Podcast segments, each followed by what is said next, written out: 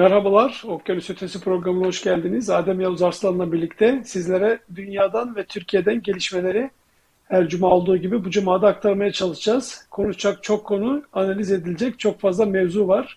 Zaten şu anda sosyal medyada yıkılıyor, siz de görüyorsunuzdur. Adem merhabalar. Merhaba, kolay gelsin. Öncelikle 17-25 Aralık Hırsızlar Haftası'na hoş geldin. Hoş bulduk. Ben de e, Erdoğan gibi sorarak başlayayım. Yıllarla mı maaş alıyorsun? Sosyal medya yıkılıyor dedin. Sosyal medya yıkılıyor, onu birazdan konuşuruz. Öncelikle gerçekten yıkılıyor. Yani son iki saatten bu yana böyle timeline'ımı her güncellediğimde karşıma bir sürü rakamlar çıkıyor. Onları tek tek analiz eder konuşuruz ama öncelikle Amerika Birleşik Devletleri'nden başlayalım, gelişmelerden başlayalım. Ee, birkaç tane e, olay var. Önce tabii ki Amerika'nın geneline baktığımız zaman toplum e, Christmas'a hazırlanıyor. E, biliyorsun sen de görüyorsun, mahallelerinde görüyorsundur. Evler her tarafı ışıklandırdılar. Televizyonlar çoğunlukla bu Christmas haberleriyle ve onların hazırlıklarıyla dolu. E, genel hava bu. Fakat e, siyasete baktığımızda e, önemli bir gelişme var. Artık 2021 yılı biterken bazı raporlar da açıklanıyor. Bu raporlardan bir tanesi ve belki de Türkiye'de ilgilendiren en önemli rapor 2020 e, terör raporu Amerika'da açıklanan. Bunun detayları var, başlıklar var. İstersen e, sen onları analiz ederek başlayabiliriz. Evet, rapor her yıl yapılan bir e, çalışma Dışişleri Bakanlığı tarafından ve e, önemli bir rapor. Dünyanın tamamı bu tip raporları referans alır. Yani bir ülkeyle ilgili değerlendirme yapılırken insan hakları karnesi, terör karnesi, dini özgürlükler karnesi önemlidir. Burada da terör raporu yine önemli. Tabii her zaman olduğu gibi Türkiye otomatikman tepki gösterdi. Otomatiğe bağlanmış bir şekilde. Biz bunu kabul etmiyoruz, tepkiliyiz vesaire diye. Neden? Çünkü üç tane başlık ön plana çıkıyor. Yani Türkiye ile ilgili bölümden bahsediyorum. Üç tane başlık ön plana çıkıyor ki bunlar doğal olarak Erdoğan rejimini rahatsız ediyor. Birincisi dediği şey şu. Türkiye yabancı savaşçılar yani IŞİD militanları, El-Kaide militanları için Kaynak ve transit ülke diyor. Bakın kaynak ülke suçlaması var. Önemli bir suçlama. Kaynak ve transit ülke. Türkiye üzerinden geçiyorlar. Ve Türkiye burada kaynaklık yapıyor. Yani mali kaynak yapıyor, insan kaynağı yapıyor. Ve Türkiye burada bir, bir bakıma kamp görevi görüyor. Ee, önemli bir eleştiri. İkinci eleştiri şu. Türkiye'de insanlar siyasi yani düşünce özgürlüğü kapsamında olması gereken şeylerden siyasi gerekçelerle çok rahat gözaltına alınıp çok rahat tutuklanıyor eleştirisi var. Yani adli yargılamaların, adli süreçlerin hukuksuzluğuna çok net bir vurgu var. Yani dünyanın neresine giderseniz gidin bu cümleyi alın koyun dosyanıza. E, bu Türkiye'deki durumun ne kadar vahim olduğunu gösteren çok önemli bir karine. Ve üçüncüsü Erdoğan rejimini geçen yıl olduğu gibi bu aslında çok da farklı değil. E, üçüncü ve önemli nokta şu.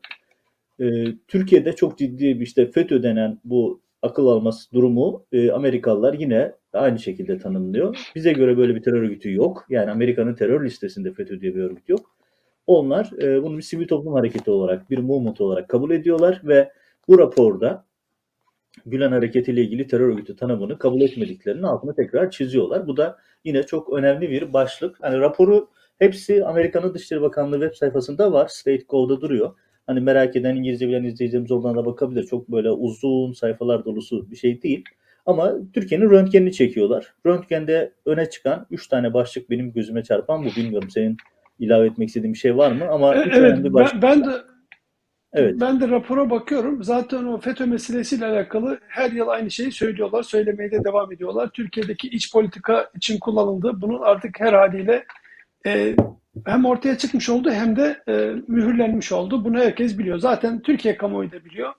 Ama bir şekilde Erdoğan'ın üst üste bastırmaları sonucunda bunun üzerinde durmaya çalışıyor, devam ediyorlar. Zaten Erdoğan'ın bazı işbirlikçileri de işine geldiği için onlar da ona destek veriyorlar. Fakat Amerika tarafından baktığımızda bence Türkiye ilgilendiren bugün itibariyle az önce bahsettiğimiz konu zaten süre gelen bir konuydu. Fakat bugün itibariyle Türkiye'nin terörün geçiş noktası olması ve destekliyor pozisyonda olması önümüzdeki dönemde yönetimi çokça zora sokacak konulardan bir tanesi olabilir. Olabilecek muhtemel terör eylemlerinde Türkiye'nin de bu işlerin bir parçası olduğu kanaatine varabilirler. Ben o anlamda Türkiye'yi başta Amerika olmak üzere bütün Batı ülkelerinin terörle iltisaklı bir ülke haline geleceği endişesini taşıyorum. Bu rapordan benim gördüğüm, anladığım bu biraz. E, tabii bir de Türkiye'nin e, Halkbank davası da var. Biliyorsun bu hafta içerisinde Halkbank'la ilgili önemli bir gelişme daha oldu. E, şöyle özetleyelim takip etmeni izleyicilerimiz için. Erdoğan rejiminin temel bir tane amacı var. O da şu Reza Zarrab'ın da tekrar kürsüye çıkacağı Halkbank davasının bir şekilde ertelemek. Bunun için her türlü yöntemi yapıyor. Hatta şöyle ifade edeyim, e, Türkiye'deki izleyicilerimizin daha iyi anlaması için. E, sonucun çıkmayacağını biliyorsunuz ama milyonlarca dolar harcıyorsunuz. Şu anda Erdoğan'ın yaptığı bu. Çünkü bütün alternatif yolları deneyerek Halkbank davasını ötelemeye çalışıyor. Bunu bugüne kadar başardı. Normalde geçtiğimiz yıl yapılması gereken bir davaydı. Erdoğan e, en olmayacağını bildiği halde e, hukuki yolları sonuna kadar deneyip alternatif görüşleri sonuna kadar değil, belirleyip ve bunun üzerinden Amerika'daki en pahalı avukatlık bürolarına deli paralar harcayıp ki Amerika'da sen de biliyorsun avukatlar yüksek ücretle çalışıyor. Saati binlerce dolar olan bu adamları aldılar ve oraya itiraz ediyor, buraya itiraz ediyor, o maddeden itiraz ediyor, bu maddeden itiraz ediyor. En son işte iki gün önceydi yanlış bilmiyorsam Halk Bankası'nın bir itirazı daha, şey Türkiye'nin bir itirazı daha reddedildi ve davanın önü açıldı. Yani biz önümüzdeki yaz 2022 yazında kuvvetle muhtemel Halkbank davasıyla oturup kalkarız. O şimdiden onu not alalım. İkincisi şu. O zaman bu, bunu birazdan tekrar 17-25 e, mevzularını konuşurken yeniden buraya da bir bağlantı kurar onları konuşuruz.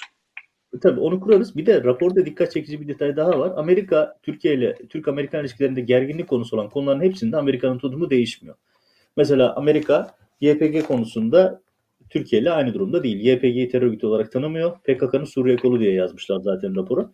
Ve burada YPG'ye karşı tavrında değişiklik yok. Yani hani Türkiye-Amerika ilişkilerinde e, Türkiye işte ne yapalım da edelim biz bir şekilde Amerika ile ilişkileri düzeltelim diye uğraşıyor ama Amerika'nın tutumunda e, olaylara yaklaşımında bir değişiklik yok. Rapor net olarak onu ortaya koyuyor.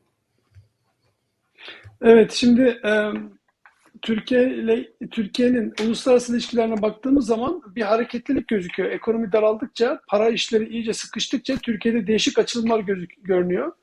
Şu ana kadar hiç görüşmedikleri insanlarla hatta manşet manşet onları lanetledikleri bazı e, yerlerle görüşmeler başladılar. Kabul kabuller başladı. Kırmızı halılarda kabuller başladı.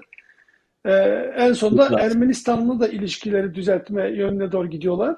Yani bunlar hepsi e, duygusal meseleler mi? Sadece paraya sıkıştıkça mı yapıyorlar bunları? Ne, ne diyorsun? Nasıl görüyorsun? İki boyutu var. İki boyutu var. Birincisi şu. E, ekonomi çok kötü. Yani gerçekten çok kötü. Türkiye tarihin en büyük krizini yaşıyor şu anda. Ve öyle böyle bir kriz değil bu. Yani e, ne kadar saklarsanız saklayın, ne kadar cilalarsanız cilalayın. Eylül'den bu yana %70 devalüasyon yaşamış bir para biriminden bahsediyoruz. %70 birkaç ay içerisinde. Şimdi böyle e, korkunç bir tablo karşısında Erdoğan çıkış arıyor. İşte Birleşik Arap Emirlikleri 15 Temmuz'un finansörü dedi. Önüne turkuaz halılar serdi. Artık biliyorsun kırmızı halı yok, turkuaz halılar var. Türkiye böyle Erdoğan rejiminin. Kırmızı lafın gelişi. Evet. Birisi o. Evet ve e, işte ne yaptı? Birleşik Arap Emirlikleri ile ilişkileri düzeltiyor. Ki yani düzeltsin ben kimseyle kavga edilsin taraftar olan birisi değilim. Ayrı bir konudan bahsediyorum. Yani burada e, asıyorsun, kesiyorsun, biçiyorsun sonra gidip hiçbir şey olmamış gibi normal bir ilişki kurmaya çalışıyorsun. Şimdi Suudi Arabistan'la malum e, işte Veliaht biraz e, MBS'le bir e, kapı açmaya çalışıyor. Bir bakarsın Erdoğan gitmiştir ya da o gelmiştir. Yakın zamanda mümkün. İsrail'le, İsrail'le ilgili o kadar attı tuttu. Şimdi İsrail'le ilişkileri düzeltmek için yöntemler arıyor ve bu konuda bir takım sinyaller var. Amerikan medyasına yansıyan bir takım kulis haberleri okudum hafta içerisinde. Yakın zamanda burada bir adım da atılabilir. Böyle bir tablo var. Şimdi bunların içerisinde bir de Ermenistan eklendi hafta içerisinde. E, bu işin ekonomik boyutu dışında bir de Amerika'nın bastırması var. Amerika Türkiye'nin Ermenistan'la İsrail'le ilişkilerini düzeltmesini istiyor.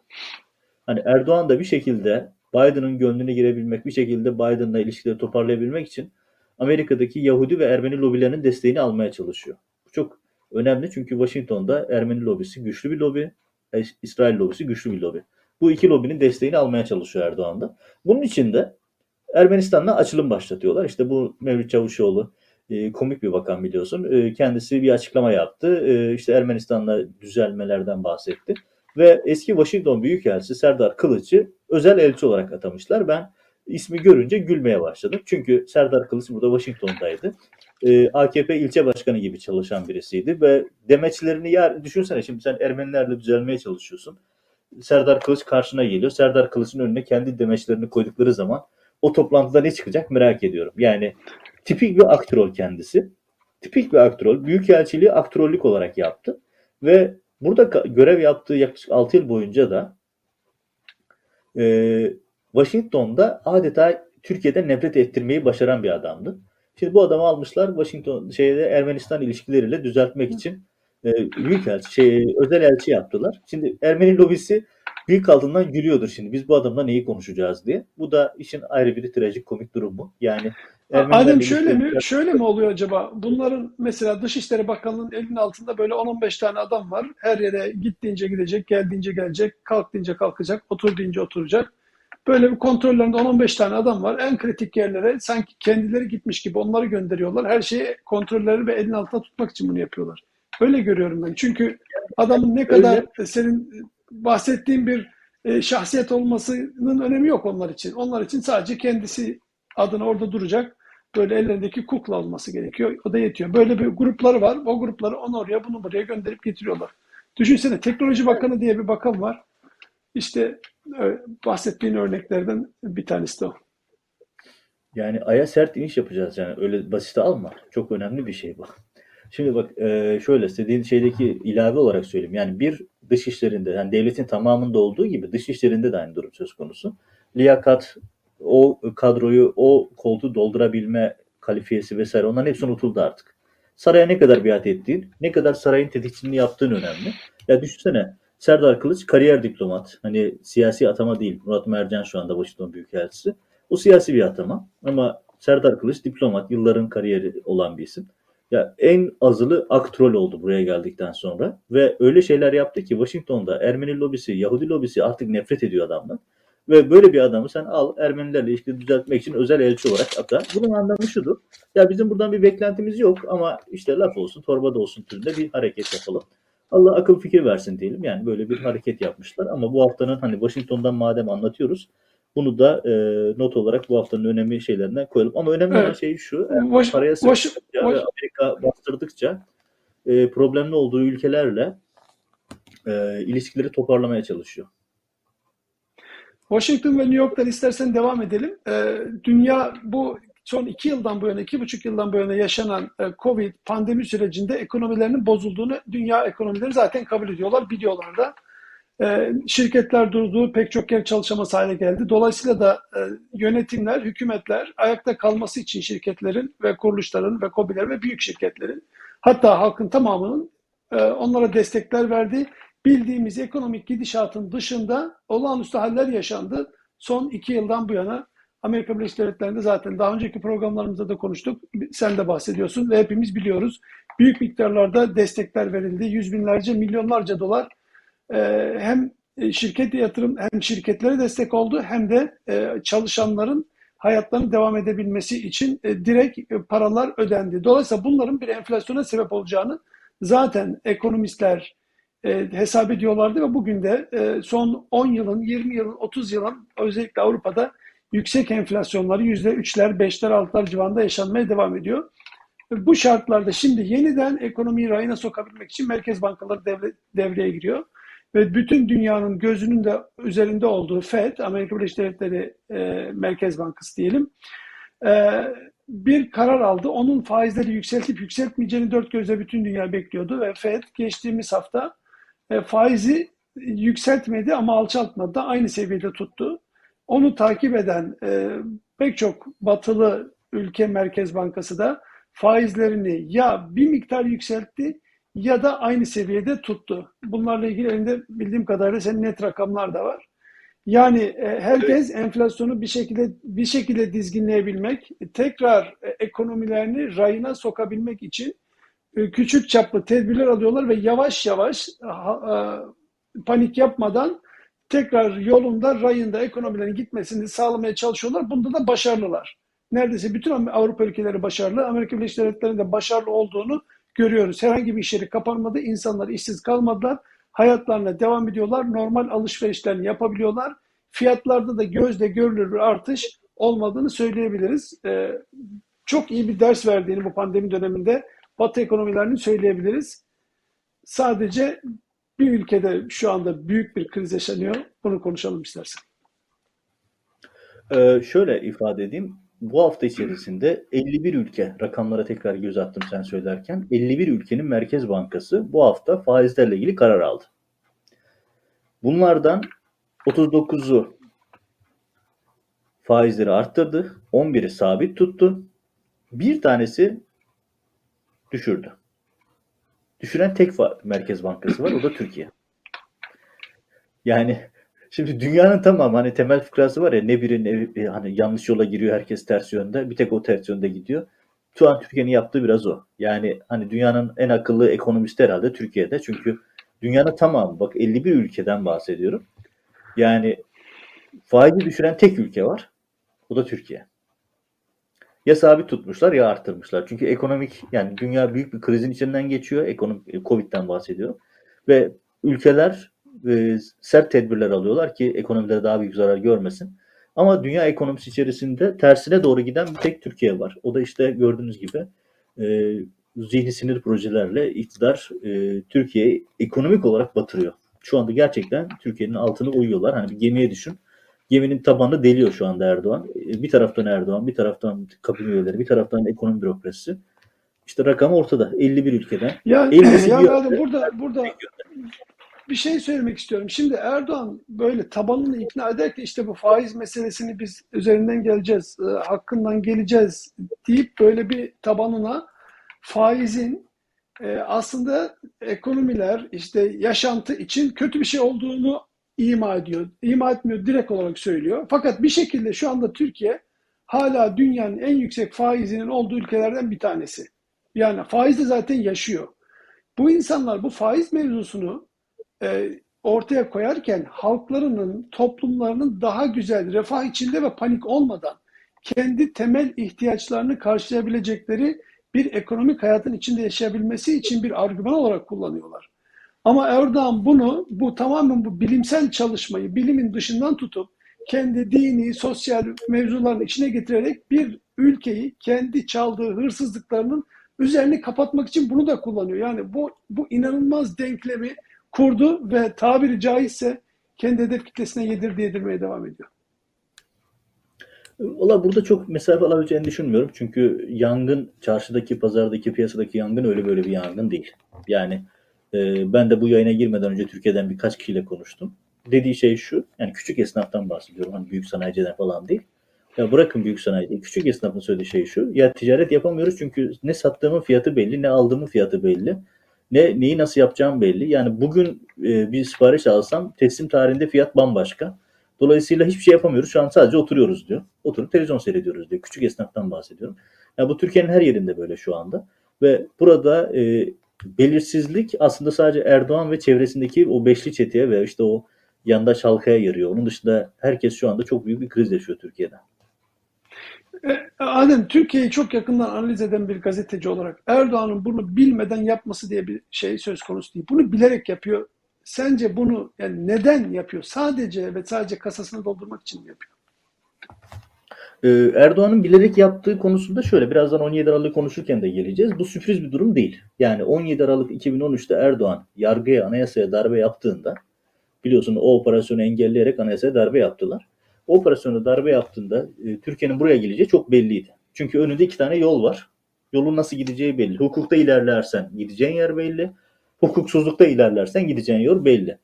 Türk Erdoğan direksiyonu hukuksuzluğa kırdı ve buradan gideceği yer belli. Daha otoriter, daha yolsuz, daha bozuk bir Türk ekonomisi gelecekti. Ve geldi. Yani bunun nedenlerini uzun uzun açmak anlatmak mümkün. Herkes yaşıyor zaten bu süreci. Buradan geldi. Ama Erdoğan şu anda bilerek bunu yükseltiyor. Çünkü bunun birkaç tane nedeni var. Birincisi şu. Çin modeli diye bir şey yok. Yani millete böyle batırdık. Hani bu batırmayı nasıl kamufle edelim diye düşünüyorlar. Yeni ekonomi modeli falan diye anlatıyorlar.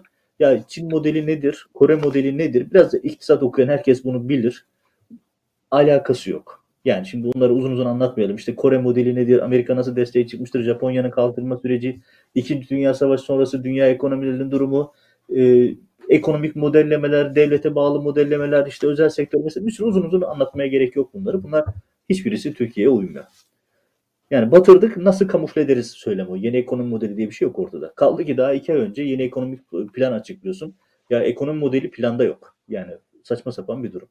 İkincisi şu, doları bilerek yükseltiyorlar. Bu konuda bir hedefleri var. Türkiye'yi Avrupa'nın ucuz iş gücü ve ihracata yönelik bir politika belirleyip Burada yapmaya çalıştığı şey şu. Şu anda faizlerin düşürülmesi Erdoğan ve çevresindeki beşli çetenin büyük yandaşların işine yarayan bir şey. Çünkü vatandaş olarak sen kredi falan alamazsın ama onlar alıyorlar. Ucuz faizli kredi alıyor. Onu dolara çevirerek bile deli gibi para kazanıyorlar. Net bir şekilde.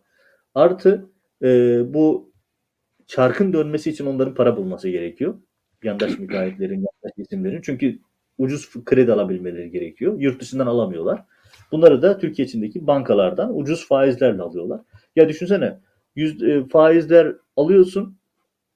Hazineden ucuz faizle alıyorsun krediyi. Dolara çeviriyorsun ya da e, piyasaya yüksek yüzde yirmi küsür farkla fa- şey veriyorsun, borç veriyorsun. Çok güzel bir para. Hiçbir şey yapmadan para kazanıyor yandaş isimler. Ve orada Erdoğan'ın bir oyun planı var. Yani burada kendi ekibiyle birlikte yine korkunç bir servet yapıyorlar. Yani 128 milyar dolar örneğinden hatırlayalım. Serbest bölgelerde ya da yurt dışında stokları tonla para var. Yani Erdoğan şöyle otururken e, hayal edelim. İşte Erdoğan önüne oturdu çayını içerken serveti birkaç milyon daha arttı. Şu hareketi yapıncaya kadar. Peki Çünkü dolar- ülkeyi tamamen gemiyi batırıyorlar. Bu gemi batarken biz de onun içinde batarız endişe etmiyorlar mı yani? Batırdıkları belli. Yok, hayır batırdıkları belli. Batırıp kalmak gibi. Erdoğan'ın hedefi ülkeyi batırıp gitmek değil. Hep anlatmaya çalıştığım şeylerden biri de bu. Erdoğan'ın hedefi ülkeyi batırıp üzerine çökmek. Ülkenin üzerine. Ya bak Türkiye haraç mezar satıyorlar. Antalya Limanı 40 40 küsur yıllığına Katarlara gitti. İşte havalimanları oraya gidiyor. Bu buraya gidiyor. Haraç, haraç mezar şu an ülkeyi satıyor. Ama adamın oyun planı içerisinde şu yanlış anlaşılıyor. Hani işte efendim bu adam ülkeyi batıracak gidecek. Hayır batıracak üzerine oturacak. Kalacak. Bunun örnekleri dünyada var. Venezuela bunun örneklerinden bir tanesi. Bunun başka örnekleri de var. Yani adam ülke tamamen çöksün ama bunu benden başka hiç kimse götüremez diye aynı şekilde tutuyor. Bu eş dost akraba kayırmacılığı diye tanımlanan bir ekonomik model var. Şu an Erdoğan onu yapıyor. Ve ekonomi tamamen çökerse çöksün, insanlar sefalet sınırları içerisinde yaşarsa yaşasın, kendi düzeni, kendi yandaş çarkı para kazanmaya ve o Rusların oligarkları gibi düşünelim. İşte e, ultra zenginlerini oluşturmaya devam ediyor Erdoğan. Evet, e, eğer bunu başarabilirse ki biraz sokak röportajlarına baktığımızda e, kısmen başarmış olarak görüyor. Adam cağız var bir tane e, röportaj yapıyor sokakta. Ekmek kuyruğunda birileriyle konuşuyor. Kuyruktaki amcaya soruyor. Diyor ki ne düşünüyorsun diyor böyle ekmek kuyruklarında insanlar. Kuyruk falan yok diyor. Siz Türkiye'yi sokağa mı dökmeye çalışıyorsunuz diyor. Kendisi kuyrukta. Dolayısıyla bu insanlara yani anlatılabilecek çok da fazla bir şey yok. E, muhalefete Yani- o yüzden fazla mı yükleniyor? Muhalefete de fa-. Hayır o Karadenizli arkadaş hani Karadenizli arkadaş izleyicilerimiz kızmasın ama tam bir hani ilk cümleyi söyledi. Aha dedim bu kesin Karadenizli bir arkadaş. Cümlenin devamı geldi zaten tamam Sebep yani. mi? E, dedim yani bu meşhur Laz inadı. Yani adam kuyruk da kendisi beklerken o Laz inadı devreye giriyor. Yok öyle bir şey diyor. Yani daha ne anlatır bu insanlara bilmiyorum. Peki bu durumda mesela muhalefete de hiçbir şey çık- yapmıyorsunuz, sesini çıkarmıyorsunuz diyoruz. Acaba fazla mı yükleniyoruz muhalefete? Yo bence hiç de değil. Bir kere muhalefetin ekonomi planı hakkında bir şey biliyor muyuz? Ekonomi programı hakkında bir şey biliyor muyuz? Tamam, ülkenin yönetilemediği ortada. Ekonomik krizinin büyüklüğü ortada. Peki muhalefetten yol plan haritası görebiliyor muyuz? Gerçekten hani biz iktidara geldiğimizde ilk 100 günde yapacaklarımız bunlar. Dövizi şöyle değiştireceğiz. Faiz politikamız bu. İstihdama yönelik bunları yapacağız. Dış borçlarda bunu yapacağız. İç piyasada şunu yapacağız diye bir eylem planı görüyor muyuz? Yok. Güven veren bir ekonomi modeli, ekonomist var mı? Yani insanlar sosyal medya üzerinden e, gazlarını çıkartıyorlar. Muhalefetin yaptığı şu an bu. Yani tweet atıyor. Ya tweet atmayı zaten sen de ben de yapıyoruz. Vatandaş da yapıyor tweet'i. Sen siyasetçi olarak tweet atmakla yetineceksen o zaman niye orada oturuyorsun? Yani bu kadar temel bir sorunumuz var. Ya bir de şöyle bir temel bir yanlış var muhalefette. Ya bu işler çok kötü. Biz hiçbir şey yapmasak da bunlar zaten batıyor. Bize rejim zaten iktidar teslim edecek. Öyle bir şey olmayacak. Bu, bu iktidar sizlere bu hükümeti vermeyecek. Vermemek için her şeyi yapacak. Gerekirse olağanüstü hal şartları oluşturup seçimi erteleyecek. Gerekirse olağanüstü hal şartları oluşturup seçimle ilgili bir takım manipülasyonları yapacak. Çünkü bırakamazlar. Bırakma şansları yok. Bıraktıkları anda yargılanacaklarını biliyorlar. Bu iktidarın bir sonraki iktidara bırakacağı tek şey polis fezlekesi olur. Başka bir şey bırakamaz. Zaten çökmüş bir ülke bırakıyor ayrı bir konu. O yüzden muhalefetin hani şu şeyden vazgeçmesi lazım muhalefetin. Ya biz hiçbir şey yapmasak da bu iktidar, zaten kendi yanlış politikalarıyla bize hazır bir iktidar bırakacak. Yok öyle bir şey. Bu arada bu programda bugün biraz epeyce daha devam ettireceğiz. Çünkü 17-25 Aralık'la ilgili dosyaların kapaklarını 8. yılında e, açmamız gereken bir sürü konu var. Onlara henüz daha girmedik ama bir son dakika gelişmesi vermek istiyorum. Şimdi arkadaşlar e, uyarıyorlar. Borsa İstanbul'da e, büyük bir çöküş var. Bunu önlenemedi. Bu çöküş sonrasında ikinci kez devre kesici isimli yani durdurmuşlar alışverişi devreye girdi ve alım satım işlemleri durduruldu. Yani şu anda artık o kadar böyle belirsizlik var ki insanlar e, kendi paralarını bir şekilde nakite vesaireye çevirip bir kendilerini garanti almaya çalışıyorlar. Az önce Turan e, Turhan Bozkurt Turan Bozkurt'un e, tweetinde okudum. Bir vatandaş bir bankaya gidiyor ve bankadan 26 bin doları var. Diyor ki benim 26 bin dolarımı verin diyor. Ben alacağım götüreceğim. Banka diyor ki şu anda bizim kasamızda sana vereceğimiz 26 bin dolar yok. Bankanın o şubesi. E, hatta diyor gitsen piyasaya diyor oralarda da bulamazsın 26 bin dolarını diyor. Ben sana şimdi o paranı veremem ama, ama istersen başka bir bankaya transfer edebilirim diyor. Az önce tweette okudum bunu belki yarım saat bir saat önce yazdı. Dolayısıyla şu anda artık herhalde panik havası oluşmaya başlamış gibi gözüküyor maalesef. Yani Merkez Bankası biz daha sen bu cümleyi kurarken yeniden müdahale etti. E, milyarlarca doları bu şekilde havaya atıyorlar ve Türkiye batışa gidiyor.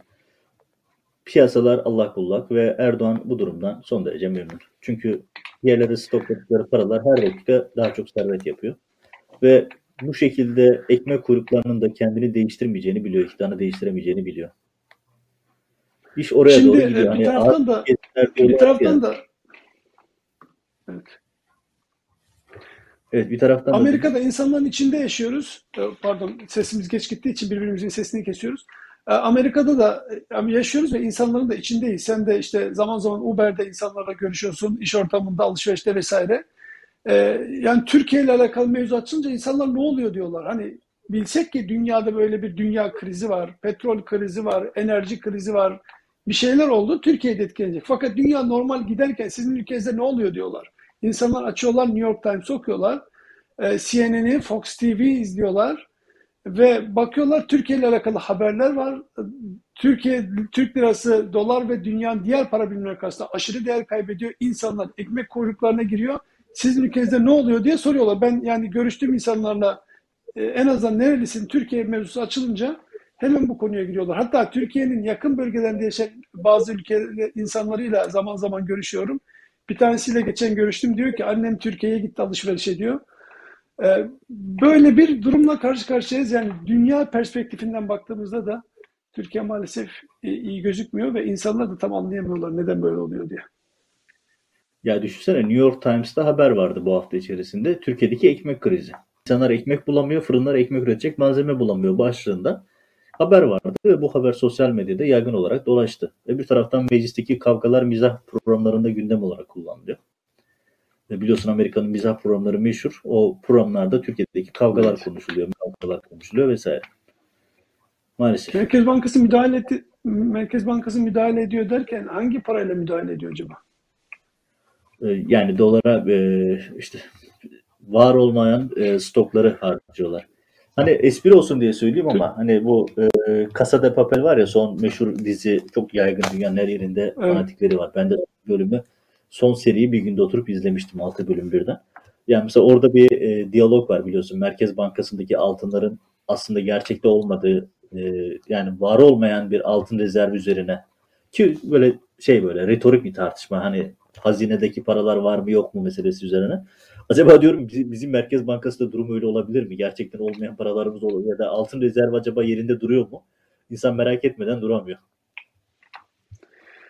Yani işte bu Türkiye'nin zor günler için ayırdığı paralar olabilir. Onları da artık harcıyorlar. Yani e, şey belli Erdoğan ve ekibi artık bilerek Türkiye'nin ekonomisini çökertmeye karar vermişler. Ellerinde avuçlarında ne varsa her şeyde yani kendilerinin olmayan halkın olan her şeyi e, saçıp dökebilirler ortalığa.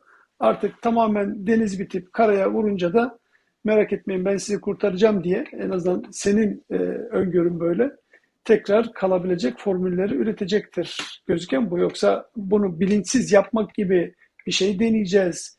Bu bizim bildiğimiz var. Ekonomi bilimini onlar bilmiyor, biz biliyoruzla açıklamanın imkanı yok. Böyle bir şey mümkün değil. Bilerek, isteyerek ve kasten Türkiye ekonomisini çökerttiler, diz çöktürdüler yani. Ya işte az önce istatistiği verdim. 51 ülke Merkez Bankası'nın aldığı karar. 50'si başka bir güzergaha gidiyor. Bir tek Türkiye ters güzergahta. Ya onların hepsi yanlış yapıyor. Evet. Sadece Erdoğan ve Merkez Bankası yönetimi biliyor. Ya da hepsi doğru yolda. Bir tek Erdoğan yanlış yönde gidiyor. Başka bir izahı yok çünkü bu. Evet, şimdi bugün 17 Aralık 2021. E, 17 Aralık hepimiz 2013 yılındaki 17 Aralık'tan biliyoruz. 17 Aralık ve 25 Aralık. E, şimdi öncelikle bir e, e, yönetmen arkadaşımız ekrana verebilirse bir istatistiğe bakacağız. 17 Aralık 2013'te dolar neydi? İşte görüyorsun 2.3. Bugün itibariyle geldiğimizde 17 Aralık 2021'de 17 liraya kadar çıktı. Türkiye ekonomisi ne yani rakamlara baktığımızda durum bu. Peki ne olmuştu ve sonra ne olmaya devam etti de bu noktaya geldik? Onu istersen biraz daha yeni bilgilerin kapaklarını açarak konuşalım seninle. 17 Aralık 2013'e dönelim istersen. E, O, o gün Oraya Ankara'da mıydın? Neredeydin 17 Aralık? Hani sosyal medyada çok kullanılan bir şey var ya, replik var. Ateistler bunu da açıklasın diye bir geyik döner ya bir şey olduğu zaman hep böyle. Hadi Evet, ateistler evet, bunu da evet. açıklasın muhabbeti. 17 Aralık dolar 17. Yani hani ateistler bunu da açıklasın diye bir espri yapayım. Hani böyle çok kötü Öyle bir espri oldu. biliyorum ama yani e, işte sosyal medyadaki şeyde e, herkes de bunu konuşuyor. Ya 17 Aralık ve 17 lira. E, maalesef bu çok sürpriz değil. Yalnız yani, doların 17 lira olmasına hemen bir anda alışveriyoruz da çünkü 14, 15, 16 diye böyle paldır küldür geldi. 17 al- ne demek biliyor musun ya 17 lira olması? Yani bundan 3-4 sene önce çok, bu halde bile hayal bile edilemeyecek kadar yüksek bir rakam yani. yani Ben Eylül hatırlıyorum daha çok değil. Bir sene %70'te enflasyon yaşadık. Eylül'den bu yana Evet, %70 evet. yaşadık. Geçen seneyi. Yani hayal, akıl alır gibi değil ya. Şu an Türkiye'nin yaşadığı çöküş e, haraç mezat ülke gidiyor yani. Haraç mezat Türkiye'yi Bak satıyorlar şu, şu anda. şimdi şu, şunu görüyor musun? Burada 1 dolar 15 lira oldu diyor ya. O 1 dolar Evet. 15 lira oldu, olduğunda 1 dolar gerçekten 15'ti. Sonrasında biliyorsun enflasyonlar vesaire Türkiye'de rakamlar sıfırlar sıfırlar sıfırlar üst üste geldi. Aslında bugün o 6 sıfır atmasanız Türkiye'de 1 dolar eşittir 17 milyon TL. İnanılmaz. Evet hani hep böyle e, internette mizah yapılan şeyler vardır ya böyle işte Zimbabwe parasıdır işte milyonlarca sıfır olan işte eskiden mesela e, Venezuela parasıdır işte Saddam dönemi Irak'tır ben Irak'ta Saddam döneminde çalıştım şaka değil yani 50 dolar bozdurduğun zaman sana büyük boy battal boy bir poşetin içerisinde Irak dinarı veriyorlardı ve araba, cüzdana değil arabanın bagajına koyuyordum savaşı izlerken yaşadığım dönemler ve bunların hepsi Türkiye'de gerçek oldu maalesef şu anki durumumuz bu. Şimdi şeye gelelim. Ya bu bu durum e, hiç sürpriz değil. 17 Aralık 2013'te o büyük yolsuzluk operasyonu yapıldığında Erdoğan'ın önünde bir seçenek vardı. Ya hukuku işletecekti. Hukuku işlerse bu dört bakan, bakan çocukları, Erdoğan'ın yandaş iş adamları ve Erdoğan'ın merkezinde olduğu yolsuzluk çarkı hukuk işlerse Erdoğan için tablo pek parlak değildi. Çünkü yolsuzluk çarkının merkezinde kendisi var. Ailesi var. Ya düşünsenize hangi başbakan oğluyla kızıyla para sıfırlama tapesi var? Ya şokun büyüklüğünü düşünebiliyor musun? Perdenin önünde dindar, muhafazakar, Kur'an okuyan, namaz kılan bir lider var. Perdenin arkasında oğluyla, kızıyla para sıfırlama görüşmeleri yapan, gün boyunca uğraştığı halde akşam hala 30 milyon euro kaldı babacım diyen bir oğlu var Erdoğan'ın. Kızı Sümeyye'yi yardıma gönderiyor. Ya telefon tapesini dinleyin. Fonda Emine Erdoğan'ın sesi de var. Ya bir aile düşünün. Eşi, çocukları, kendisi oturuyorlar ve evin altında stokladıkları milyonlarca doları sıfırlama çalışması içerisindeler. Ya o paralar oraya nasıl geldi? Nereden kazandın? Nereden buldun? Nasıl yaptın? Ve o sıfırlanamayan para hala 30 milyon euro akşam olduğu zaman. Berat Albayrak kağıt kırpma makinesi getiriyor. İşte paraları Mercedes Vito'yla taşıyorlar, ediyorlar. İşte oradan dört tane konak alıyorlar. Onların belgesini de yayınladık daha sonra biz. Yani her şey belgeli. Ya ve ülke bir tercih yaptı. Tercih neydi? Tercih de Erdoğan yargıya müdahale etti.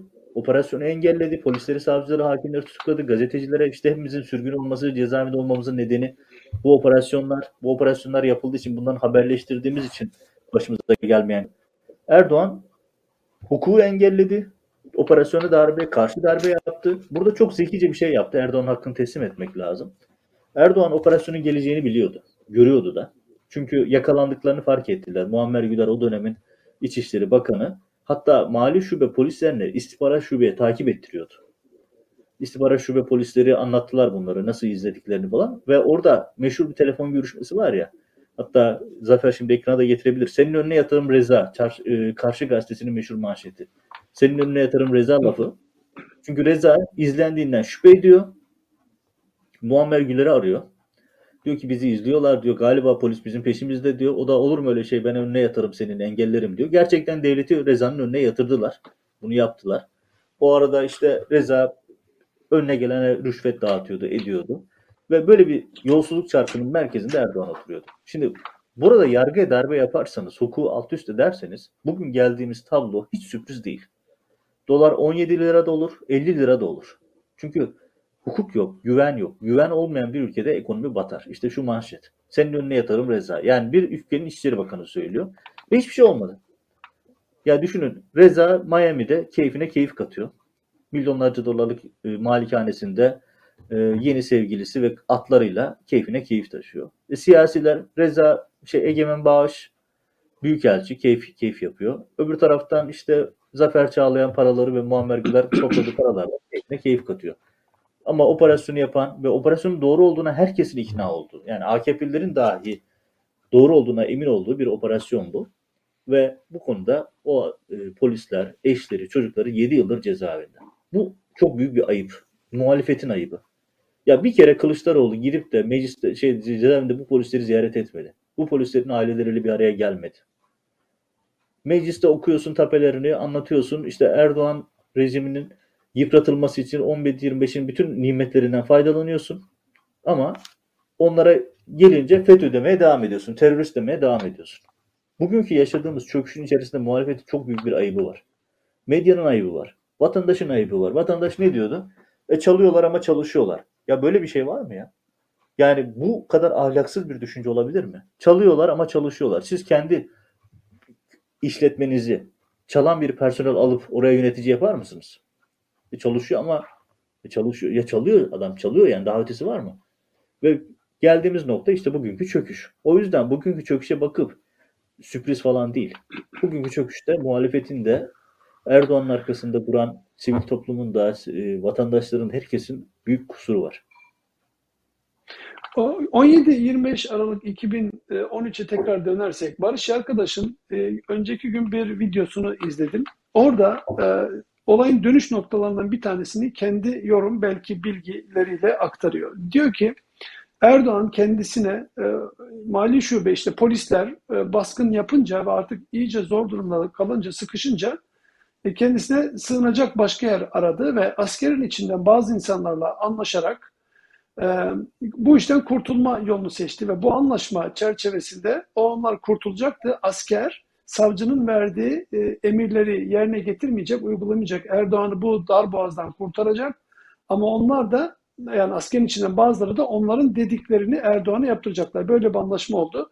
Hatta diyor işte Ergenekon sanıklarının 17-25'ten sonra hızlı bir şekilde bırakılması, Veli Küçük gibi insanların salı verilmesi Erdoğan'ın 17-25 Aralık'taki sıkıştığı köşeden kurtaranlara olan borcundan dolayıydı. Dolayısıyla bir ittifak, içine girdiler ve o gün bugündür de bu ittifakı çalıştırıyorlar diye bir videoda Barış arkadaş anlatıyor. Sen buna ne kadar katılıyorsun?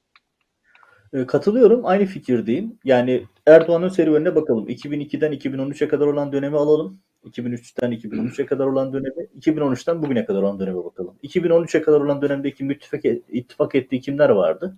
Liberaller, Kürt açılımı, cemaat, Avrupa Birliği ve Amerika desteği. Bu yapıdayken bu destek ve bugün bunların tamamı KYK'lı. Yani şöyle ifade edelim, alt başlık açmaya gerek yok. KYK ittifakı diyelim. Yani Erdoğan ve KYK'lıların ittifakı döneminde Türkiye roket gibi yükseliyordu. Ekonomisi düzelmişti. Dünyada itibar artmıştı. Time'a kapak oluyordu Erdoğan model olarak. İşte Amerika'da ben de o seyahatlerde katıldım. İnanılmaz ilgi görüyordu Erdoğan ve Türkiye. 2013'te Erdoğan suçüstü yakalanınca yani düşünün suçüstü yakalandı Erdoğan. Rüşvetler, para dolu e, ayakkabı kutuları, çantalar, elbise dolabı kutuları vesaire milyonlarca dolar havada uçuşuyor. Kamu bankaları kevgire çevrilmiş. Rezalet bir durum ortada. Öyle böyle bir rezalet değil. Erdoğan orada bir tercih yaptı. İttifak ettiği çevrelerin hepsini teröristlikle suçladı. Kendine yeni müttefikler buldu. Yeni müttefikler kimdi? MHP'liler, Ergenekon, Derin Devlet, Perinçek, bu kadro. Yani bugün Türkiye'nin yaşadığı bu büyük çöküşün müellifi bu kadrolar. Hani bu kadroların e, sonucu bu. İttifak ettikleri kadroların hepsi Türkiye'yi aldılar. 1980'lerin Türkiye'sine geri çevirdiler. İşkence geri döndü. Ya düşünsene emniyette, yargıda, piyasada ne kadar üçkağıtçı, ne kadar yolsuz, arsız adam varsa hepsi yönetici oldu. Daha bugün Sedat Peker'in videolarında anlattığı bir hakim Danıştay'a üye seçildi. Daha bugün. Ya normal şartlarda ortaya dökülen rezaletten sonra o hakimin sokağa çıkmaması gerekir. Hakim Tolu ama bakıyorsunuz Yargıtay üye yapıldı bugün. Şey, Danıştay üye oldu bugün. Danıştay Evet. üyesi yapıldı. Ya başka örnekler de var burada. Davası, Ve- davası, davasına baktığı iş davasına baktığı iş adamının doğum günü partisinde bayağı keyfi yerindeydi. Ya işte Paramount Otel'de kalıyor. Düşünsenize ya bir hakim geceli 100 bin lira olan otellerde nasıl kalır? İşte altındaki ultra lüks arabaları vesaire bunlar nasıl olur? Mutlaka bunların bir izahı olması gerekir. Ve Sedat Peker'in deşifre ettiği adam Danıştay'a seçiliyor. Yargıtay, Yargıtay, Danıştay, yargılar, işte Türkiye'den alınan avukatların tamamı hakim savcı yapılmış. Onların hepsi e, rejimin sarayın emrinde. Ya düşünsene 15, şey 17 Aralık'ın kahramanlarından Erdoğan Bayraktar diyor ki benim tapemdeki, benim dosyamdaki her şey doğru. Cesur bir savcı arıyorum. Bulamıyor. Yok çünkü. Cesur savcıların tamamı Silivri'de ya da sürgünde görevden uzaklaştırılmışlar. E, diğerleri de zaten saraya bağlı. Ya düşünsene 2013'ten bu yana Türkiye'de yolsuzluk operasyonu yapılmadı. Yapılan istisnai küçük birkaç operasyon var. O da ya CHP belediyelerine yapıldı ya da rüşvet çarkında anlaşmazlık çıktı. Rüşveti bölüşemediler. İşte nasıl olur da büyük patrondan habersiz ya da büyük patronun payını vermeden küçük patronlar oluşur diye orada kavgalar çıktı. Ancak onlar oldu. Onun dışında hiçbir şey olmadı. Ve de sürpriz değil Dün- geldiğimiz nokta. Dün Bol Medya Çark isimli bir belgesel yayınladı. Bu belgeselde senin de röportajın var.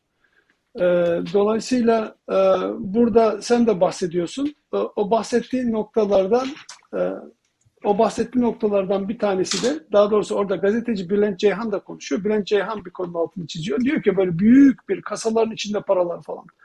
Yani bu Evet. kadar e, nakit parayı mı bir araya getirip e, şeyin içine koyuyorlar? Yani evin altına hani o kasalar kendi konuşmalarından zaten anlıyoruz da böyle dev kasaları mı var? Bu kasaların içine paralarla mı dolduruyorlar? Eğer o gün bu o para Öyle. o kadarsa bugünküler hayal bile edemiyorum yani. Ya ben şöyle ifade edeyim. O günün AKP'li siyasilerinden bir isimden bizzat dinledim. Erdoğan'ın evinin o 5 tane villa var ya Kısıklı'daki. Hepsinin altında özel kasa odaları var. O kasaları gören kişiler var. Ben onlarla konuştum. Kamuoyunun tanıdığı bildiği AKP'li isimler bunlar. O kasaları bizzat görenler var. Yani be- o Erdoğan'ın Kısıklı'da otur. Ya hangi isim evinin deposu, basement'ına, şeyine, e, bodrumuna e, dev kasalar yaptı. İnsan boyunda kasalar. İnsan boyunda kasalar evet. Evet yani sen de tanıyorsun bu AKP'li isimleri. Yıllardır gazetecilik yapıyoruz. Bunlar kamuoyunun bildiği isimler. Ya bizzat o kasaları gören insanlar anlattı zaten. Bu kasalar var Erdoğan'ın evinin altında diye. Zaten tapelerin doğruluğunu herkes biliyor. Ya rüşveti veren adam geldi Amerika'da itirafçı oldu. Erdoğan Amerika'ya iki defa nota verdi. Türkiye Cumhuriyeti tarihinde başka örneği yok bunun. Reza Zarrab için. Eski New York Belediye Başkanı tutukladı, eski Adalet şey, avukat tuttu, eski Adalet Bakanı Mukassi avukat tuttu. Saati 2000 dolar olan adamlara avukat tuttu, şunu yaptı, bunu yaptı. Milyonlarca dolar harcadı. Ya Emin Erdoğan geldi. Bakın diplomaside Amerikalılar şok oldu bunu görünce. Emin Erdoğan geldi Joe Biden'ın eşinden Reza Zarrab'ı istedi. Ya bize bunu verin bu hayırsever bir iş adamı diye. Emin Erdoğan deyince hep söylüyorum bir daha söyleyeyim. O kolundaki o 50 bin dolarlık çantaları veren de Reza Zarrab. Reza Zarrab onları rüşvet defterine yazmış. Tek tek yazmış. Emin Erdoğan'a verdikleri çantalar. 50 bin dolar, 30 bin dolar, 40 bin dolar çantalar. Ve böyle bir ilişki. Erdoğan için niye kabus? Bakın Reza Zarrab Erdoğan için niye kabus? Çünkü Zarrab konuştukça, savcıyla iş yaptıkça Erdoğan için kabus artıyor. Çünkü bu yolsuzluk çarkının, rüşvet çarkının merkezinde Erdoğan oturuyor. Ailesi oturuyor. Kızı, oğlu, eşi. Düşünsenize ya Erdoğan telefon tepesinde ko- oğluyla pa- pazarlık yapıyor, telefon trafiği yapıyor. Fonda kızının ve eşinin sesi var. Hani mafyada bile böyle Evet, bir şey evet. yoktur ya. Mafya patronları eşlerini çocuklarını bu işlere karıştırmazlar. Bu mafyada bile böyle değildir. Böyle bir tabloyla karşı karşıyayız. Ve Erdoğan orada bunu yapıyor. Yanlış yani hatırlamıyorsam Emin Erdoğan e, en, eniş, enişten de gelecek ona mı söyle diyor, amcan da mı gelecek diyordu. Emin Erdoğan böyle başka birini daha işin içine katıyordu orada. Evet fonda sesi duyuluyor gayet net bir şekilde. Emine şey Hı hı. Sümeyye'nin işte uçakla gidişi var. Yani bir de şöyle tekrar hatırlatalım. Ya ben yıllarca polis adliye muhabirliği yaptım. Sayısız dava izledim. 17 Aralık fezlekesi kadar iyi hazırlanmış başka bir fezleke görmedim. E Düşünsene Amerika'daki mahkemede bile bütün delilleri oradaki jürinin onayından geçti. Çünkü jüridekilerin hepsi tamamı jürilerin e, o Halkbank dosyası davasında, Hakan Atilla davasında suçlu buldular. Yani hiçbir şeyi boş bırakmamış savcılar. Ya rüşvetin fotoğrafmanı var. Rüşvet çıkarken, rüşvet giderken, rüşvet teslim edilirken, teslim edildikten sonra rüşvet için telefon görüşmesi yapıp teşekkür ederken düşünsene ya şey Egemen Bağış Rezai'ye hep teşekkür ediyor. Muammer Güler Rezai'ye hep teşekkür ediyor. Niye? Çünkü çok memnunlar. Rüşvetler geliyor çünkü. İmam parası diye millete kakaladılar o rüşveti. Düşünsene ya bu kadar ahlaksızca bir şeyin arkasına saklandılar. İmam parası dediler. Ne İmam parası diye? Rüşvet ve Hakan şeyin e, Reza Zarrab'la Süleyman Hasan o dönemin Halkbank Genel Müdürü'nün telefon görüşmelerinde açık açık yazıyor zaten. Şey görüşmelerinde açık açık var bunlar. Adam hediyeden çok memnun kaldığını söylüyor, teşekkür ediyor bilmem ne. Reza Zarrab şikayet ediyor. Bu adama diyor bir- sürekli diyor benden rüşvet istiyor diyor. Ya Halk Bankası'nın avukatları bak bunu tekrar söylüyorum. izlemeyen izleyicilerimiz olmuş olabilir. Bizzat Erdoğan'a tuttuğu avukatlar. Bizzat Erdoğan parasını verdi. Erdoğan'ın tuttuğu avukatlar, Halkbank avukatları. Amerika'daki davada geldiler. Ben o duruşmaları ilk günden son güne izledim. Hiçbir dakikasını bırakmadım. O duruşmalarda Halk Bankası'nın avukatları çıktı dedi ki bu Reza Zarrab dedi rüşvet veriyor, ahlaksızca defaatle rüşvet verdi. Siyasiler ve bürokratlar bundan rüşvet aldılar dedi. Hakan Atilla'yı kurtarmak için. Peki bu ne demek? Ya parasını Türkiye'nin ödediği avukatlar söylüyor bunu. Reza rüşvetçinin teki siyasiler ve bürokratlar rüşvet aldı. O zaman darbe nerede? O zaman kumpas nerede? Senin kendi avukatların kabul ediyor bunu. Yani ya şöyle burada çok e, lafı böyle çok detaylara boğmaya gerek yok. Burada Türkiye halkıyla, medyasıyla, büro, muhalefetiyle, iş adamlarıyla yanlış bir tercih yaptı. Hırsızın polisin mücadelesinde hırsızın yanında yer aldılar ve bugün yaşadığımız büyük çöküş o tercihin bir sonucu. Başka bir şey değil. Adem şimdi bir şey sormak istiyorum. Yani bunu en iyi cevaplayabileceklerden bir tanesi de sensin. Ee, 2000 e, Türkiye'den 2014'te mi ayrıldın? Kaçta ayrılmıştın? 2014 6 Haziran. Evet, 2010 2014'e kadar e, önce İstanbul'da sonra da Ankara'da gazetecilik yaptın. Ankara'da e, temsilciydin. E, Bugün gazetesinin temsilcisiydin. Dolayısıyla da siyasilerle de işte dışlıydın ki senin gazetecilik hayatının çok önemli bir bölümü zaten AKP'de geçti. AKP 20 yıldır, 23 yıldır iktidarda. Onlara o gün baktığında ve gözlemlediğinde 17 Aralık 2013 öncesi ve sonrası diye baktığımızda 17 Aralık'ta kendilerinin bu çarkından, bu yolsuzluk çarkından kurtulduktan sonra önlerine artık kocaman bir otoban açıldığı ve ta uluslararası uyuşturucu trafiğine katılmaya kadar götüren süreç 17 Aralık'tan sonra başlayıp bu rahatlamadan sonra mı oldu yoksa öncesinde de böyle karıştıkları yolsuzluklar, e, olaylar var mıydı? Zaten hayat tarzları ve bakışları bu muydu? Çalmak, yolsuzluk ve kendi Şöyle kasalarını doldurmak mıydı? Şimdi şöyle ifade edeyim. Yani Türkiye hiçbir zaman Norveç, İsveç olmadı. Türkiye hiçbir zaman İsviçre değildi. Yani kara para mücadelesi konusunda bahsediyorum. Türkiye'de yolsuzluk her zaman vardı. Yani Türkbank skandallarından İSKİ'den geriye doğru gazetecilik hayatımız bu tip yolsuzluklarla takiple geçti zaten. Ama Erdoğan rejiminin bunlardan ayrılan bir özelliği var. Özellikle 2010 sonrası. Şimdi burada 2002-2003 döneminde AKP kuruldu, ilk seçime girdi, kazandı ve iktidar oldu. İlk iki dönemi zaten askeri vesayetle, darbe tehditleriyle, çetelerle mücadeleyle geçti. O dönemde hepimiz destekledik. Ben bundan asla gocunmuyorum. Bugün geriye dönüp ya niye destekledik diyen insanlara da katılmıyorum. Ya Türkiye darbe tehditleri geçirdi. Suikastler oluyordu, çatışmalar yaşanıyordu. Türkiye çok büyük terör hadiseleri atlattı. O dönemde iktidarın Avrupa Birliği sürecini, demokratikleşme sürecini destekledim. Bundan da hiçbir şekilde pişman değilim. Ama bugün geriye dönüp tekrar aynı pozisyonda çalışmaya başlasam bazı haberlerimi daha farklı değerlendiririm. Çünkü o gün yakın tehdit, darbe riski, çatışmalar, çeteler vesaire diye baktığımız tehditler sebebiyle bazı şeyleri görememiş olabiliriz. Ama Erdoğan için dönüm noktası 2010 referandumu. Şimdi Türkiye için 2010 referandumu gerçekten bir dönüm noktası. Çünkü 2010 öncesi yapılan yolsuzluklar daha küçük çapta ve daha tekildi.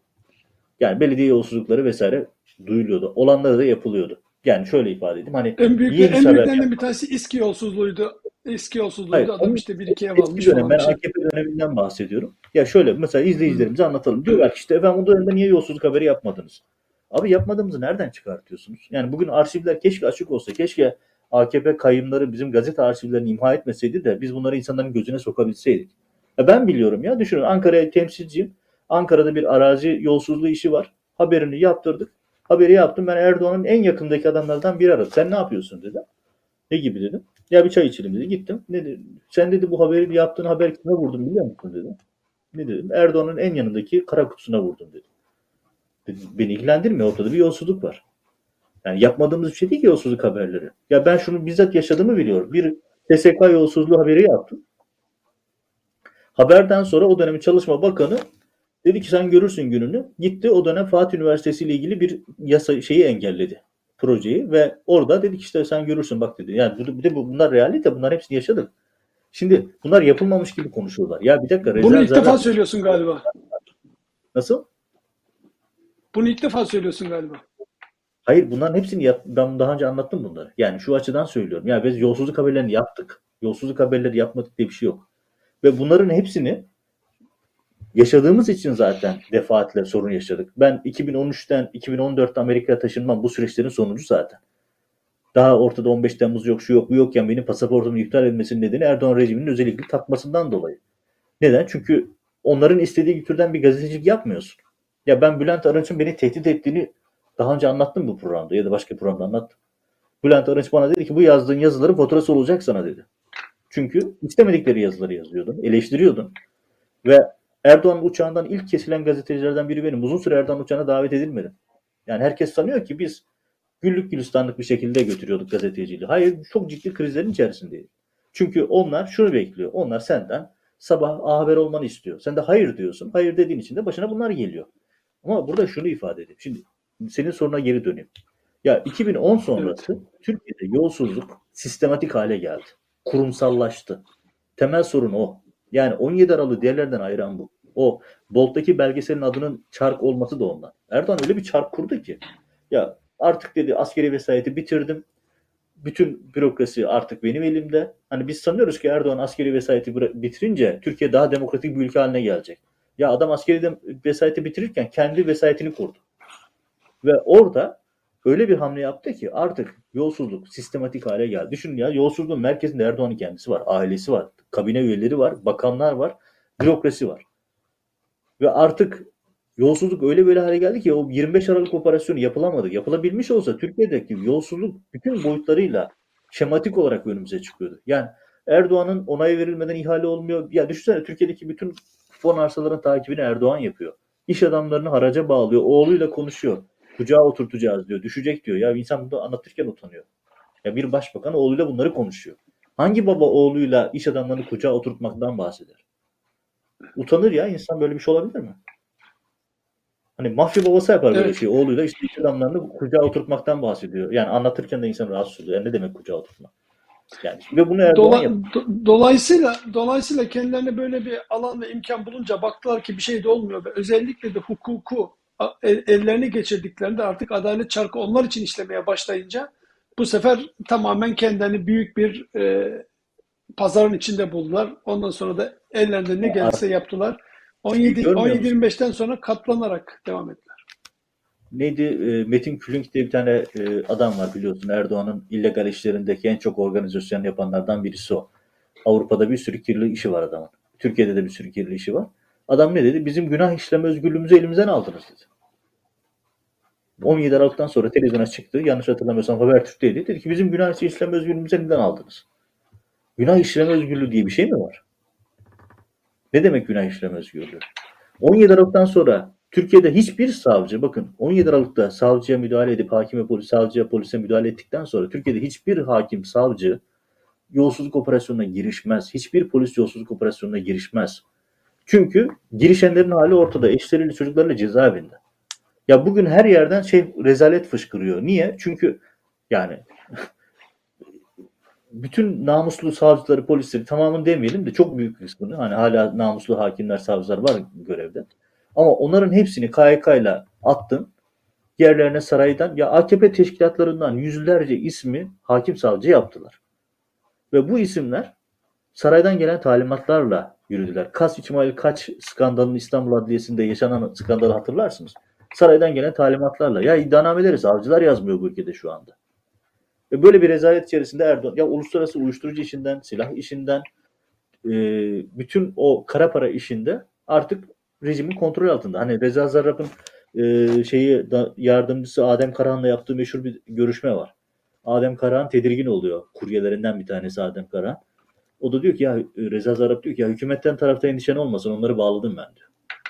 Hani Reza Zarrab'ın meşhur lafı var ya e, rüşvete meyilli herkesin bir fiyatı vardır diyor. Hani parasını önceden vereceğin insanları da tarif ediyor onu buradan söylemeyeyim. Hani hoş değil. Ya da ya Allah aşkına ya şunu düşündükçe benim sinirlerim bozuluyor. Adam telefonda milletin bir tarafına koyacağız diyor iş adamı. Yani biraz daha konuşsam herhalde yayına artısı 18 yaşı şeyi gelecek yani. Düşünsene ya milletin bir tarafına koyacağız diyen adam ağzı kulaklarında yıllardır Erdoğan'ın yanında vergileri sıfırlanıyor. Adam üst üstüne parayı yağıyor. Milyonlarca dolar havada uçuşuyor. Ve herkes böyle izliyor. Yani adam Hocam aynı, aynı profildeki iki, aynı profildeki adamlar birbirlerini buldular işte ülkeyi soyup soğana çevirdiler. Mevzu budur yani. Şimdi bu adalet meselesinden bahsetmişken. hatırlatmadan olmaz burada. Ahmet Altan'ın lafını hatırlatmadan olmaz. Yani ne demişti Ahmet Altan? Muhteşem bir tanım yaptı. Hırsızlarla katiller kol kola girdi. Tam olarak bu. Hırsızlarla darbeciler. Pardon. Hırsızlarla darbeciler kol kola ülkeyi batırdılar. Evet, adaleti de ellerine geçirdikten sonra artık önlerine büyük bir alan açıldı. Şimdi bugün 17 Aralık 2021 ama 17 14 Aralık 2014 tarihinde de Hidayet Karaca beraber çalıştığımız Samanyolu Yayın Grubu'nun başkanı Hidayet Karaca 14 Aralık 2014'te önce gözaltına aldılar. Sonra 7 günlük gözaltının arkasından tutukladılar. O gün bugündür de yani artık 7 yıl bitti. 8. yıldan bu yana Hidayet Karaca'yı da hapiste tutuyorlar. Allah ona da sağlık saat afiyet versin. Şimdi konuşunca da aklıma geldi. Dün gece rüyamda gördüm. Böyle kalabalık bir ortamdayız. Bir sürü insan var belki binlerce. Hidayet abi de böyle çok genç ve dinç gözüküyor. Böyle yere de oturmuş. Ben de yere oturmuştum. Böyle elimde bir fotoğraf makinesi var. Diyor ki çek bakalım Metin şöyle fotoğrafımızı diyor. Ben böyle bir o tarafa gitmeye çalışıyorum bir bu tarafa gitmeye çalışıyorum. Evet şimdi bir kez daha görünce buradan ona selamlarımızı inşallah bir şekilde ulaştıralım. Evet. Ya Metin benim fotoğraf o kadar içim acıtıyor ki. Yani şu fotoğrafta Hidayet abi ne kadar e, sıkıntı çekti, ne kadar e, yaşlandı, yıprandı çok açık. Yani e, Zafer'den rica edelim öbür foto- tutuklandığı dönem fotoğrafını da koysun yan yana.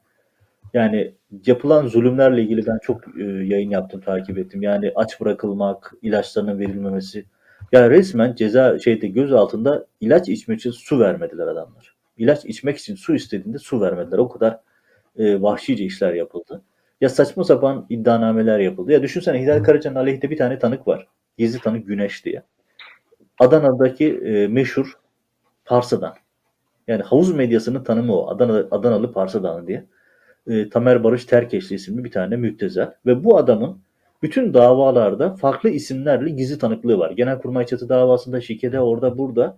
Ve adamın yalan söylediği mahkeme kararıyla tescilli olmasına rağmen Adam yalancılıktan 25 yıl hapis cezası Zaten aldı. bir tane zaten böyle bir tane bir adamları var. Adam bir güneş oluyor, bir bulut oluyor, bir yağmur oluyor, işte bir rüzgar o, oluyor. Her taraftan işte, bu şey. Aynı isim her mahkemede farklı bir isimle gizli tanıklık yapıyor. Ya mahkemede yalan söylediği tescillendi. Yani verdiği ifadenin yalan olduğu bile Hidayet Karaca ile ilgili yalan söylediği de tescillendi. Ona rağmen mahkeme ceza verdi. Ya Taşiye davasında, Taşiye, Taşiye nasıl söyleniyorsa hala adını söyleyemiyorum. Onlarla ilgili davada evrakta sahtecilik olmadığı tescillendi. Hani iddia neydi? İddia şuydu. Fethullah Gülen'le Hidayet Karaca görüşüyor. Oradan polislere talimat veriliyor. Onlar da operasyon yapıyor. İddia buydu değil mi? Mahkemede bu çürüdü. İspatlanamadı ve daha doğrusu herhangi bir şekilde delil de ortaya konamadı. Zaten olmayan bir şey. Buna rağmen Hidayet Karaca 8. yıla girdi. Yani işkencenin haddi hesabı yok. Emekli maaşı kesildi ya. Türkiye'de emekli maaşına el konamaz. Bu anayasal bir kural. Emekli maaşına el koydular. Başka hiçbir örneği yok. Milyonlarca lira ceza kestiler. Babası rahmetli oldu. Ya bir otobüs dolusu polisin eşliğinde elleri kelepçeli bir şekilde cenazeye gitti, şey evine taziyeye anca gidebildi. Yani özellikle yapmadıkları hiçbir işkence yok. Hiçbir yani artık hani kasti olarak ne yapılabilir? Yani işte hava soğuk battaniyesini vermiyor vesaire. Bunun o kadar çok örnek dosyası var ki, hikayesi var ki. Burada bir resmen intikam operasyonu yapıyorlar Hidayet Karaca üzerine.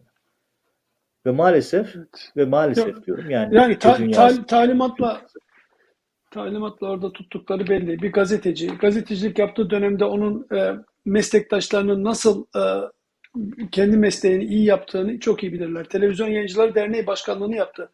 Şu anda Televizyon Yayıncıları Derneği var mı yok mu bilmiyorum ama o zamanlar işte ATV'nin, Star'ın, Show TV'nin, Kanal D'nin, NTV'nin, CNN'in, Habertürk'ün hepsinin içinde olduğu bir dernek vardı. Bu derneğin başkanlığını Hidayet abi yaptı iki yıl boyunca. Her bir başkan sadece iki yılda bir seçilir. Hatta yanına gidip dediler ki Hidayet Bey biz acaba tüzüğü değiştirsek de sizi bir iki yıl daha seçsek mi? Çünkü ancak böyle bir ortamda böyle huzurlu çalışabiliyoruz diye Hidayet abinin yanına kadar geldiklerini ben zaten biliyorum. Bazı toplantılarına e, katıldım, gördüm. Onların Hidayet Karaca'nın mesleğini nasıl yaptığını ve en azından Türkiye'deki yayıncılığın gelişmesi için neler yaptığını, o uydu yayıncılığının özgür yayıncılık yapılabilmesi için siyasilerle televizyoncular adına neler yap, nasıl çalıştığını, nasıl görüşmeler yaptığını çok yakından biliyorum. Hidayet Karaca aynı zamanda Ankara'da da gazetecilik yaptı. O dönemde de siyasilerle, sen de biliyorsun gazeteci olduğun için siyasilerle yakın oluyorsun. O siyasilerin Hidayet Karaca'nın nasıl hem insani hem gazetecilik yönüyle hem yöneticilik yönüyle nasıl başarılı bir insan olduğunu çok yakından bilirler. Ben de görüyordum zaten. Yani televizyona gelen siyasiler, programımıza katılanlar, ona saygıyla bahsedenler, saygıyla yanında oturanlar, sohbet edenler bugün olaylar olduktan sonra hepsi bir kenara çekilmiş, kaybolmuş gittiler. Bülent Arınçlar, Binali Yıldırımlar kapılardan ayrılmazlardı yani yayınlar sırasında.